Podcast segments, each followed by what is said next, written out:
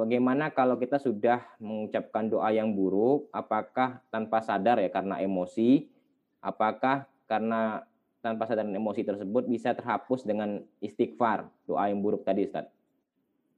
Ya insya Allah. Pertama Allah secara umum tidak akan mengabulkan doa yang buruk itu untuk diri kita sendiri ya. Nah, yang kedua bahwa kita melakukan itu adalah sebuah kekeliruan karena itu memang kita diperintahkan untuk beristighfar terhadap segala kekeliruan yang yang kita lakukan. Mudah-mudahan Allah akan mengampuni kekeliruan-kekeliruan kita dengan kesadaran kita untuk beristighfar, bertaubat kepada Allah. Berikutnya, bagaimana dengan doa kunut, Ustaz? Kunut nazilah yang biasa dibacakan, yang salah satu isinya menghancurkan orang-orang kafir. Kaitannya tadi dengan doa yang buruk. Ya.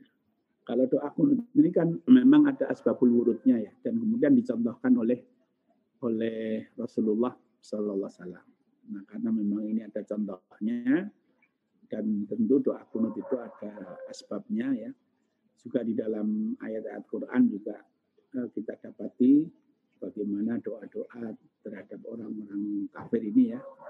Nah, jadi dalam konteks dan kondisi tertentu tentu itu adalah sesuatu yang dibolehkan. Nah, walaupun untuk secara umum kita mendoakan orang-orang kafir itu supaya mendapatkan hidayah. Tetapi bagi orang-orang kafir yang berlebihan, nah ini tadi ditugaskan oleh Allah pada kita pertama untuk mengadab mengadab mereka melalui uh, uh, tangan-tangan kita. Ini boleh. Yang kedua, Allah Rasulullah memberi contoh kita untuk melakukan doa-doa yang sepantasnya untuk mereka. Jadi di kasus doa kuno dulu ya, di kuno nazilah itu kan memang Rasulullah tidak berhadapan langsung dengan dengan mereka. Nah karena itu kemudian uh, itu kan pengkhianatan ya, pengkhianatan. Jadi mereka meminta kirim para hufat, para qurra dengan alasan mereka akan belajar Al-Quran, tetapi begitu sampai di sana mereka dibunuh semua. Nah, ini tidak berhadapan langsung. Karena itu Rasulullah kemudian melakukan doa kunut itu ya, doa kunut nazilah. Dan tentu apa yang dilakukan Rasulullah ini adalah sesuatu yang di apa ya diilhamkan oleh Allah SWT. Jadi tidak mungkin Rasulullah melakukan sesuatu kecuali sesuatu yang dibenarkan oleh Allah SWT. Allah. Terakhir Ustaz, apakah cara kita jika kita dizolimi, apa yang harus kita lakukan supaya tidak keluar kata-kata atau doa yang buruk? Pertama ya namanya sabar itu ya.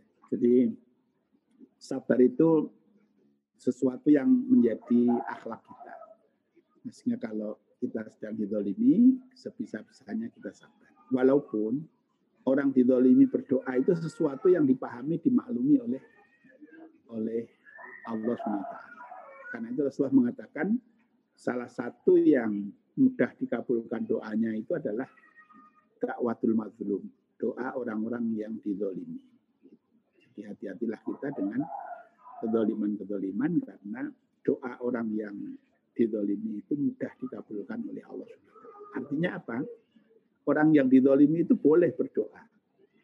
Nah, pilihan doanya pertama mendoakan kebaikan untuk orang yang dolim, mudah-mudahan diampuni Allah, mudah-mudahan di di apa diberi hidayah oleh Allah itu bisa begitu. Tapi dalam batas tertentu mungkin orang yang didolimi akan mendoakan keburukan bagi yang dolim dan itu sesuatu yang tidak dilarang. Bisa jadi akan mudah dikabulkan. Karena itu ketika orang didolimi bukan dilarang ya, bukan dilarang untuk mendoakan yang buruk. Walaupun pilihan yang lebih baik itu adalah mendoakan yang baik. Allah Baik, saya kira kita cukupkan ya. Sudah jam 7 lebih. Mohon maaf atas pertanyaan-pertanyaan yang belum terjawab.